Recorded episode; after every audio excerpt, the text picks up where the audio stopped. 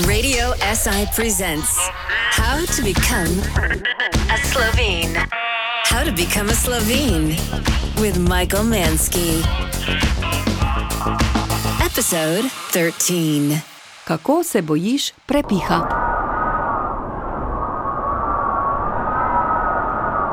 You're listening to what Slovenes fear more than anything else the wind.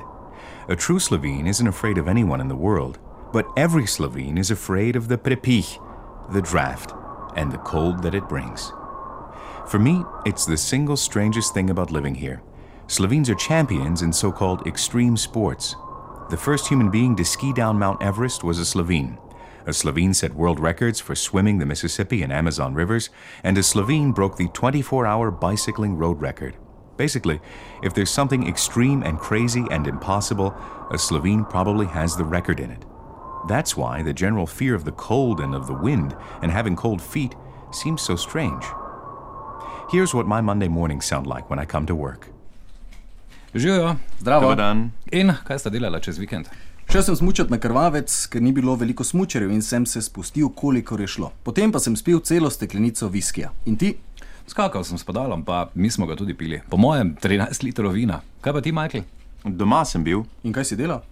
nič posebnega, ampak bil sem bos, sploh nisem imel copatov. Cel Hej, vikend. hej, hej, pomiri se malo. Si čisto nor. Pa umr boš. Male otroke imaš. Pa ti si čisti manjak. Bodi pameten. Umr boš. Every culture has its own particular obsession. In the US, for example, you won't find a 13th floor in any tall buildings because people are scared of living on the 13th floor.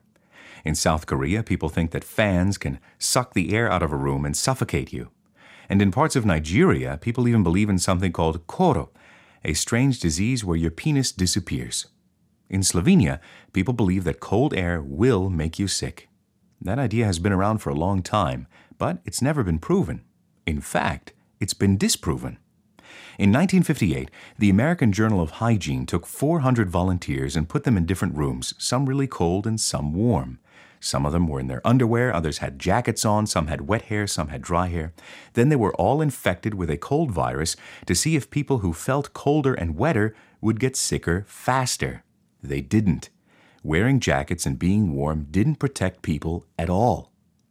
Ten years later, the New England Journal of Medicine repeated the study, this time on prisoners. And again, it didn't matter if they were cold, naked, or wet, none of those things had any effect on people getting sick. I'm sure most people listening have already turned me off, and the ones who haven't are thinking something like, Kakšen trotl. Zakaj pa smo vedno bolani čez zimo? well, one answer to that question is this. Anyone with children, especially little ones, knows that they're little virus factories, and when they're all stuck inside in the winter, it's like a little heaven for viruses of all kinds. Viruses that then go home and spread out. But now comes a very interesting idea. You've heard of the placebo effect. It's basically what happens when a doctor gives someone a sugar pill and they get better. There's also the opposite. It's called the nocebo effect. It's what happens when someone, say, gives you a sugar pill and tells you that it's poison. Because people are strange, many people will actually get really sick and feel sick even if it's just a sugar pill. So, what if the Slovenian fear of the cold is like that? What if Slovenes really do get sick from the cold because they think that they will? What if the cold is actually dangerous, but not really, only because people think it is? What if Slovenes are making themselves sick with their minds?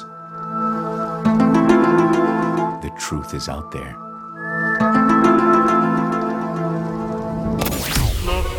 How to Become a Slovene.